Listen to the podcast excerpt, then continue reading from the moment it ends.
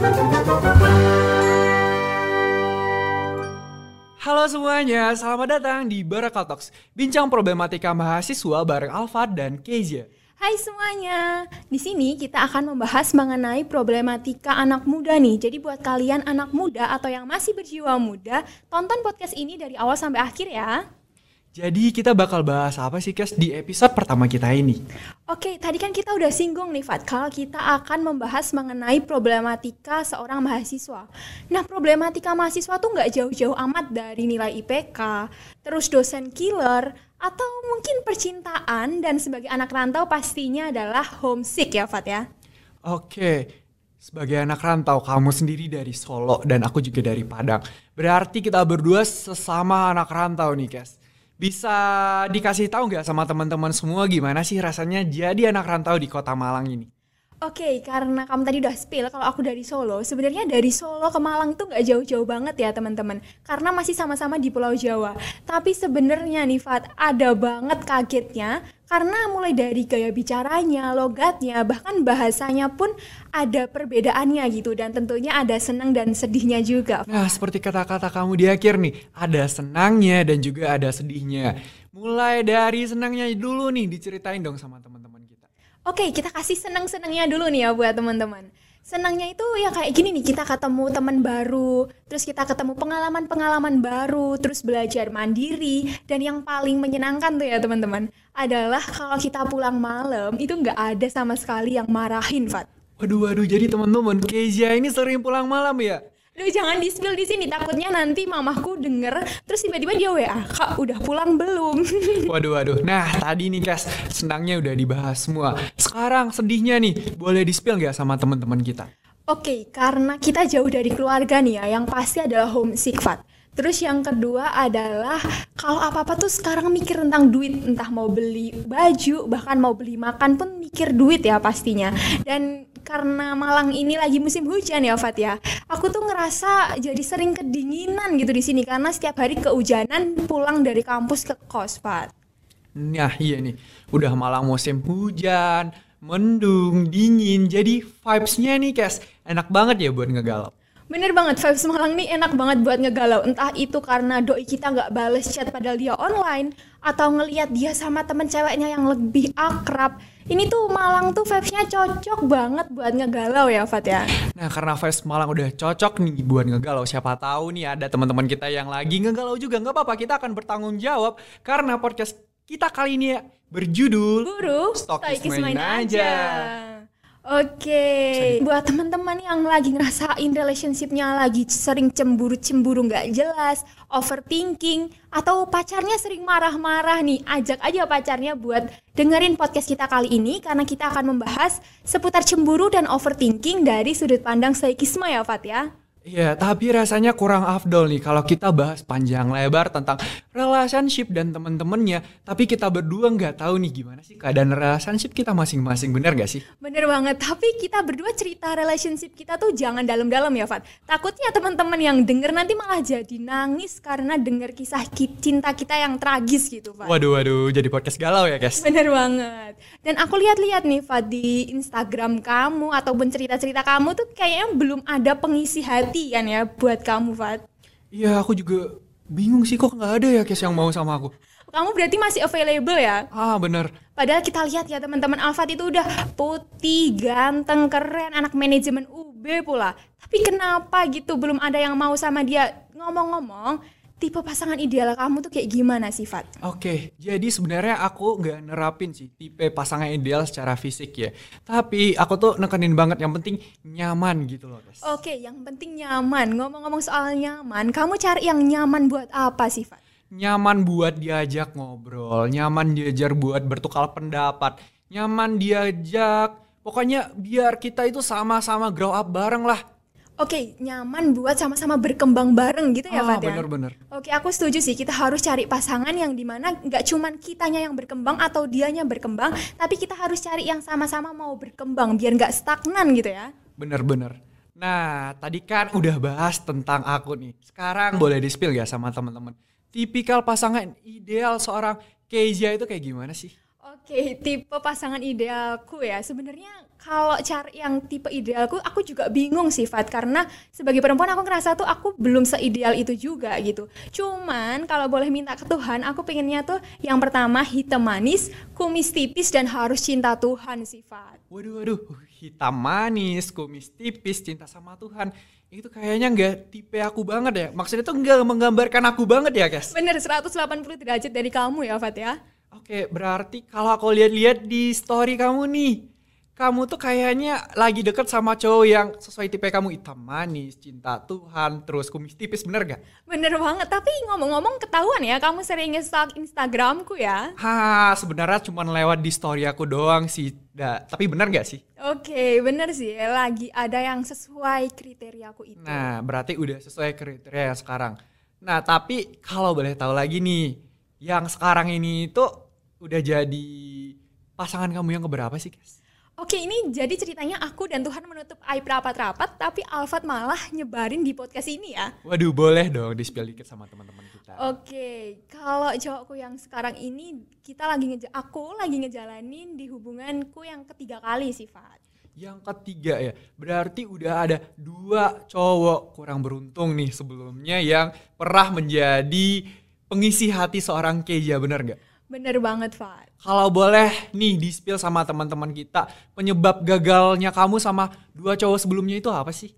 Oke, yang pertama itu aku ngejalanin relationship itu waktu SMP. Jadi istilahnya kayak cinta monyet gitu lah. Oke. Terus aku udah kenal nih sama ibunya dan dia juga Ah. udah kenal sama mamahku tuh. Waduh, Udah kayak kenal banget terus merasa udah cocok karena hitam manis, kumis tipis gitu. Tapi sayangnya, Fat, sayangnya apa tuh? Tuhan memang satu kita yang tak sama. Wah, kayak judul lagunya Firza ya. Tuhan kita cuma satu, kita yang berbeda. Aduh, ini bukan Indonesian Idol ya. Waduh, waduh. Tapi walaupun aku nggak tahu lagunya ya, tapi intinya kita beda agama, Fat, Beda agama. sayangnya. Padahal udah cocok banget ya. Iya sih. Ya, tapi itu emang berat sih, Kes. Nah, tadi kan yang pertama, satu lagi. Sebelum sedih-sedihannya kita tutup nih. Yang kedua penyebab gagalnya apa tuh? Oke, agak sedih ya ini ngungkit masa lalu nih move on-nya bertahun-tahun terus di sini diungkit agak sedih waduh, banget. waduh. Gak apa-apa dong buat sobat Baraka kita nih. Oke, nggak apa-apa deh buat sobat Baraka. Yang kedua ini teman-teman eh, sebenarnya udah cocok banget, udah cinta Tuhan, hitam manis, kumis tipis. Tapi sayangnya kita tuh harus LDR Malang Jogja.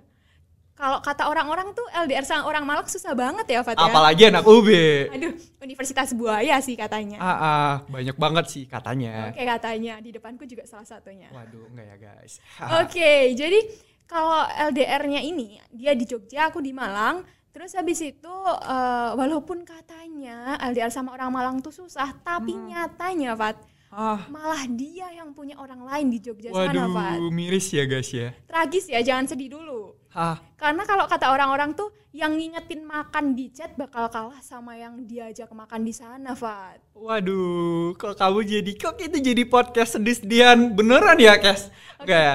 Berarti bisa dibilang kamu itu kayak dikhianatin, disakitin lah kalau kata anak zaman sekarang sama yang kedua ini bener nggak? Bener banget dan karena aku di apa ya istilahnya dibohongin gitu ya. Ah. di cheating gitu traumanya sampai sekarang tuh masih ada banget Fat jadi kalau misal aku sama yang sekarang nih aku tuh sering banget cemburu overthinking gak jelas gitu karena pengalaman sebelumnya aku pernah dibohongin Fat Waduh teman-teman jadi seorang Kezia karena dikhianatin cowok sebelumnya sampai-sampai trauma loh. Tadi aku spill dikit nih, aku dengar-dengar dikit kata-kata akhirnya bahkan sa- saking traumanya jadi malah sering cemburu, sering overthinking sama cowok yang sekarang. Bener ya? bener banget Fat Tapi ngomong-ngomong soal cemburu dan overthinking nih, Kes. Sesuai judul podcast kita, cemburu, Stoikis main, main aja. aja. Nah, ada satu ajaran filsafat, yaitu filsafat stoikisme yang bisa untuk mengatasi atau bahkan menghilangkan rasa cemburu, rasa overthinking atau tindakan-tindakan yang gak jelas lah yang berujung ke kita jadi berantem gitu di dalam menjalin hubungan. Duh kayaknya asik banget ya kalau kita mempelajarin tentang filsafat stoikisme ini. Untuk itu biar teman-teman bisa lebih paham nih tentang stoikisme itu sendiri. Kita langsung aja mulai ya Fat. Stoikisme itu sebenarnya apa sih Fat? Nah, jadi teman-teman, secara sederhana nih, stoikisme itu adalah filsafat yang mengajarkan kita tentang bagaimana caranya untuk mengontrol emosi negatif dan melipat gandakan kebahagiaan kita. Oke, sebagai manusia tuh kita pastinya pengen dong ya kebahagiaan di dalam diri kita itu berlipat ganda gitu. Dan mengesampingkan emosi-emosi negatif kita, Fat. Terus caranya nih untuk bisa menerapkan stoikisme itu gimana sih, Fat? Caranya, dasar dari stoikisme ini kayak sebenarnya adalah dikotomi kendali. Jadi ada hal-hal yang bisa kita kontrol dan ada hal-hal yang nggak bisa kita kontrol, Kes. Dan sayangnya banyak dari kita itu menetapkan kebahagiaan kita malah di hal-hal yang nggak bisa kita kontrol itu, Kes. Oke, sebelum itu ada hal yang bisa kita kontrol dan hal yang nggak bisa kita kontrol. Hmm. Contohnya gimana tuh, Fat? Nah, contohnya dari hal-hal yang nggak bisa kita kontrol dulu. Contohnya, mulai dari tindakan orang lain terhadap kita, sikap orang lain, persepsi orang lain, pokoknya yang berhubungan dengan orang lain itu pada umumnya itu hal-hal yang nggak bisa kita kontrol. Dan hal-hal yang bisa kita kontrol itu adalah hal-hal yang berkaitan dengan diri kita. Mulai dari persepsi kita, terus tindakan kita, terus ucapan yang mau kita bilang nih, itu adalah sepenuhnya ada di kendali kita, Kes. Gitu. Oke, okay. mungkin buat teman-teman nih yang lagi ngejalanin relationship ya, mungkin lagi sering cemburu, lagi sering overthinking, gimana sih ngehubungin antara relationship kita ini yang lagi sering berantem dengan yang namanya dikotomi kendali, Fat? Nah, dikotomi kendali. Sebelumnya aku tanya nih, kamu biasanya cemburu itu kenapa sih? Oke, seperti yang tadi aku udah bilang ya, karena ada pengalaman masa lalu yang buruk. Jadi aku tuh sering cemburu kalau cowok aku ini lebih dekat sama teman perempuannya atau bahkan dia tuh sering banget nge-repost foto mereka berdua di story Instagram sedangkan dia nggak pernah tuh Fat namanya ngepost foto sama aku. Jadi kayak sedih banget nggak sih? Oke, oke. Jadi aku tangkap kayak cowok kamu nge-repost story sama cewek lain terus kamu sedih. Nah, kalau kamu nerapin stoikisme nih, itu awalnya aja udah salah, guys. Karena dikotomi kendali. Hal yang dilakuin cowok kamu itu, nge-repost cowok kamu itu, itu ada di luar kendali kamu. Sementara hal yang ada di kendali kamu, ya itu persepsi kamu sendiri. Pemikiran kamu sendiri, terus respon kamu ke cowok kamu setelah melihat itu, itu sepenuhnya ada di kendali kamu. Jadi harusnya kamu itu kalau, kan kenapa kita sedih? Karena kita menaruh kebahagiaan kita kepada orang lain gitu loh, guys. Oke, berarti seharusnya aku tuh fokus sama hal-hal yang bisa jadi kendaliku ya, Fat. Bener-bener. Oke, berarti uh, ada nggak sih Fat, cara lain nih selain dikotomi kendali yang lebih mudah? Karena apa aku cari yang lebih mudah? Karena sebagai perempuan ya, jiwa stalking kita tuh luar biasa, tidak bisa tertandingi hmm. dan kayak susah gitu buat kita selalu positif thinking, Fat. Oke, aku aku bener sih. Kalau cewek itu biasanya emosi ya, emosinya tuh lebih ya dari cowok yang biasanya lebih ke arah rasional. Tapi jangan khawatir ya, guys, jangan khawatir ya, guys. Aku pernah kebetulan pernah baca nih di buku filosofi teras. Dia tuh pernah maparin salah satu teknik nih untuk awal mula kita menerapkan stoikisme ini. Tekniknya itu disebut dengan teknik STAR. Oke, teknik STAR. Gimana tuh Fat? Tadi dikotomi kendali, sekarang teknik STAR. Teknik STAR tuh gimana? Teknik STAR ini adalah singkatan dari empat kata. Oke, teknik STAR ada empat kata. Apa aja tuh Fat? Yang pertama, apa kalau STAR? Oke, huruf pertama ya. huruf pertamanya ada S, Fat. S. S ini adalah stop.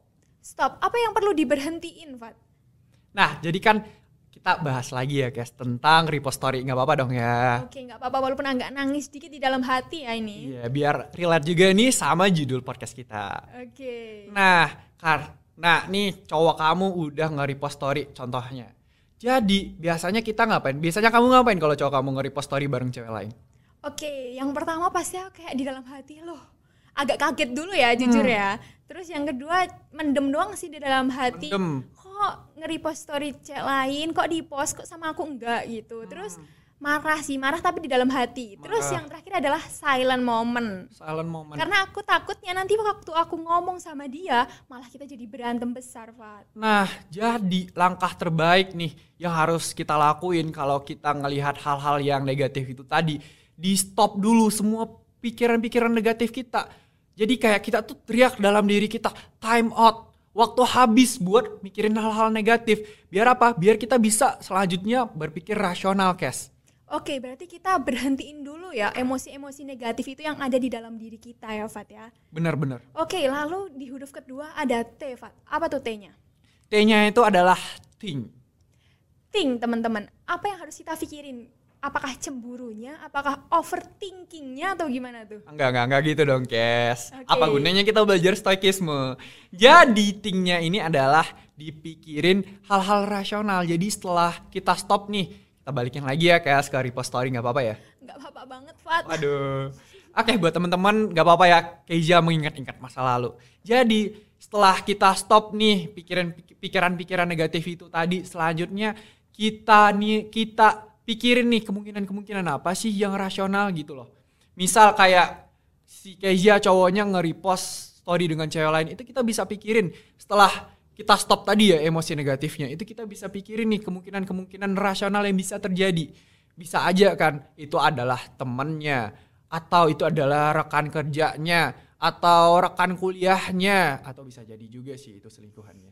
Tuh kan, Fat. Sebagai cewek kan stalking kita luar biasa ya. Pasti kita tahu dong mana yang adiknya, mana yang kakaknya, atau mana yang cuman teman gitu. Jadi boleh dong ya kita berpikir yang baik dan berpikir yang buruk gitu. Boleh banget, Kes, tapi ingat, nggak boleh melibatkan emosi dan harus Rasional. rasional teman-teman. Nah setelah kita pikirin, selanjutnya kita masuk ke kata yang selanjutnya, Kes. Yaitu ada huruf A. A, bener. A-nya itu adalah essence atau nilai. Oke, apa tuh Fat yang dinilai? Nah, jadi setelah kita stop emosi negatifnya, terus kita pikirin secara rasional hal-hal yang mungkin nih yang mungkin secara rasional baru selanjutnya kita nilai nilai mana sih yang paling rasional gitu loh dari semua kemungkinan itu tadi. Jadi mungkin nih kamu bisa kayak ngelis bisa ngelis di pikiran atau bahkan dicatat gitu. Misal kayak nge-repost story, balik lagi ya guys.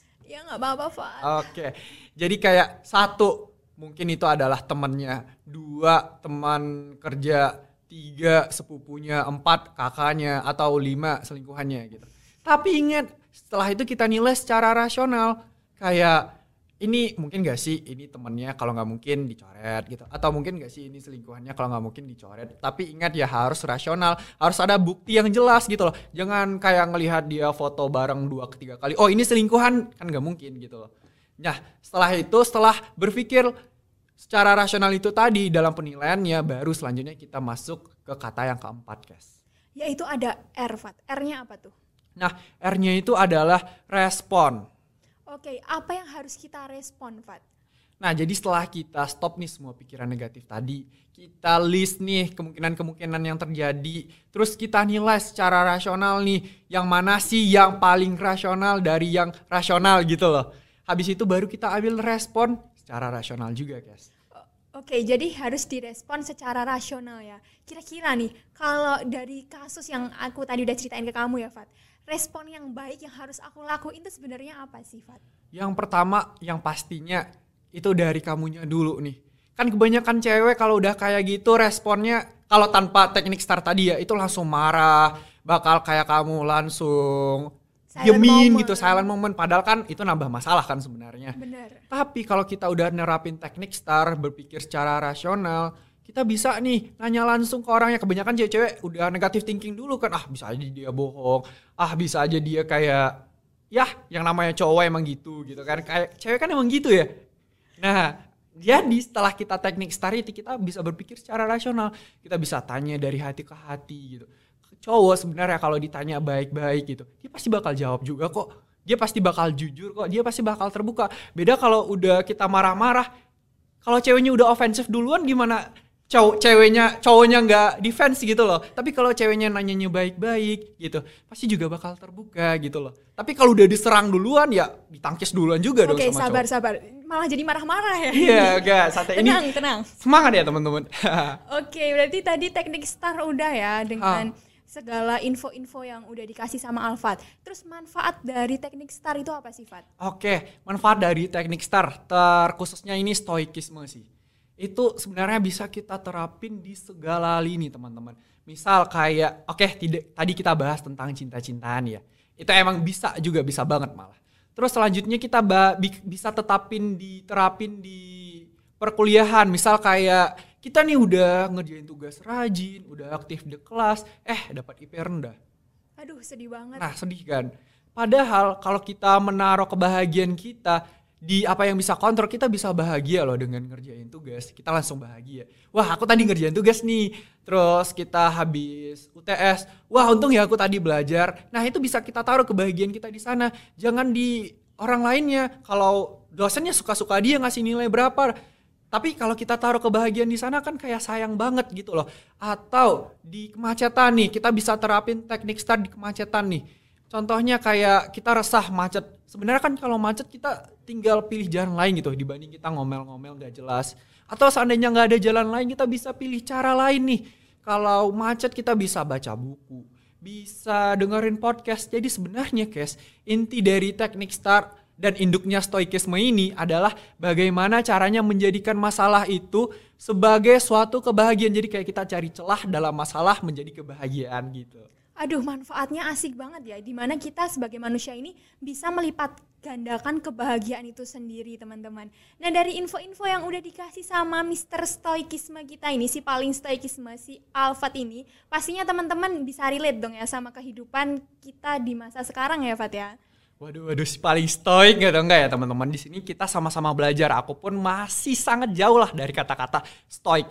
Tapi aku yakin kalau teman-teman semua nih menerapkannya dalam kehidupan sehari-hari, perlahan tapi pasti pasti akan bisa menerapkan stoikisme ini dalam kehidupan sehari-hari. Ingat kuncinya konsisten dan terus berjuang dan perlahan teman-teman akan merasakan nih kalau udah berhasil untuk menerapkan stoikisme dalam kehidupan sehari-hari itu akan bisa untuk bahagia selalu, always happy gitu loh. Aduh asik banget tuh bahagia selalu ya. Tadi teman-teman podcast dengan judul Cemburu Stoikis Main Aja. Aku Kezia Virginia dan partner aku Alwatino Romadias Maulana. Kami pamit undur diri. Sampai, Sampai jumpa semuanya.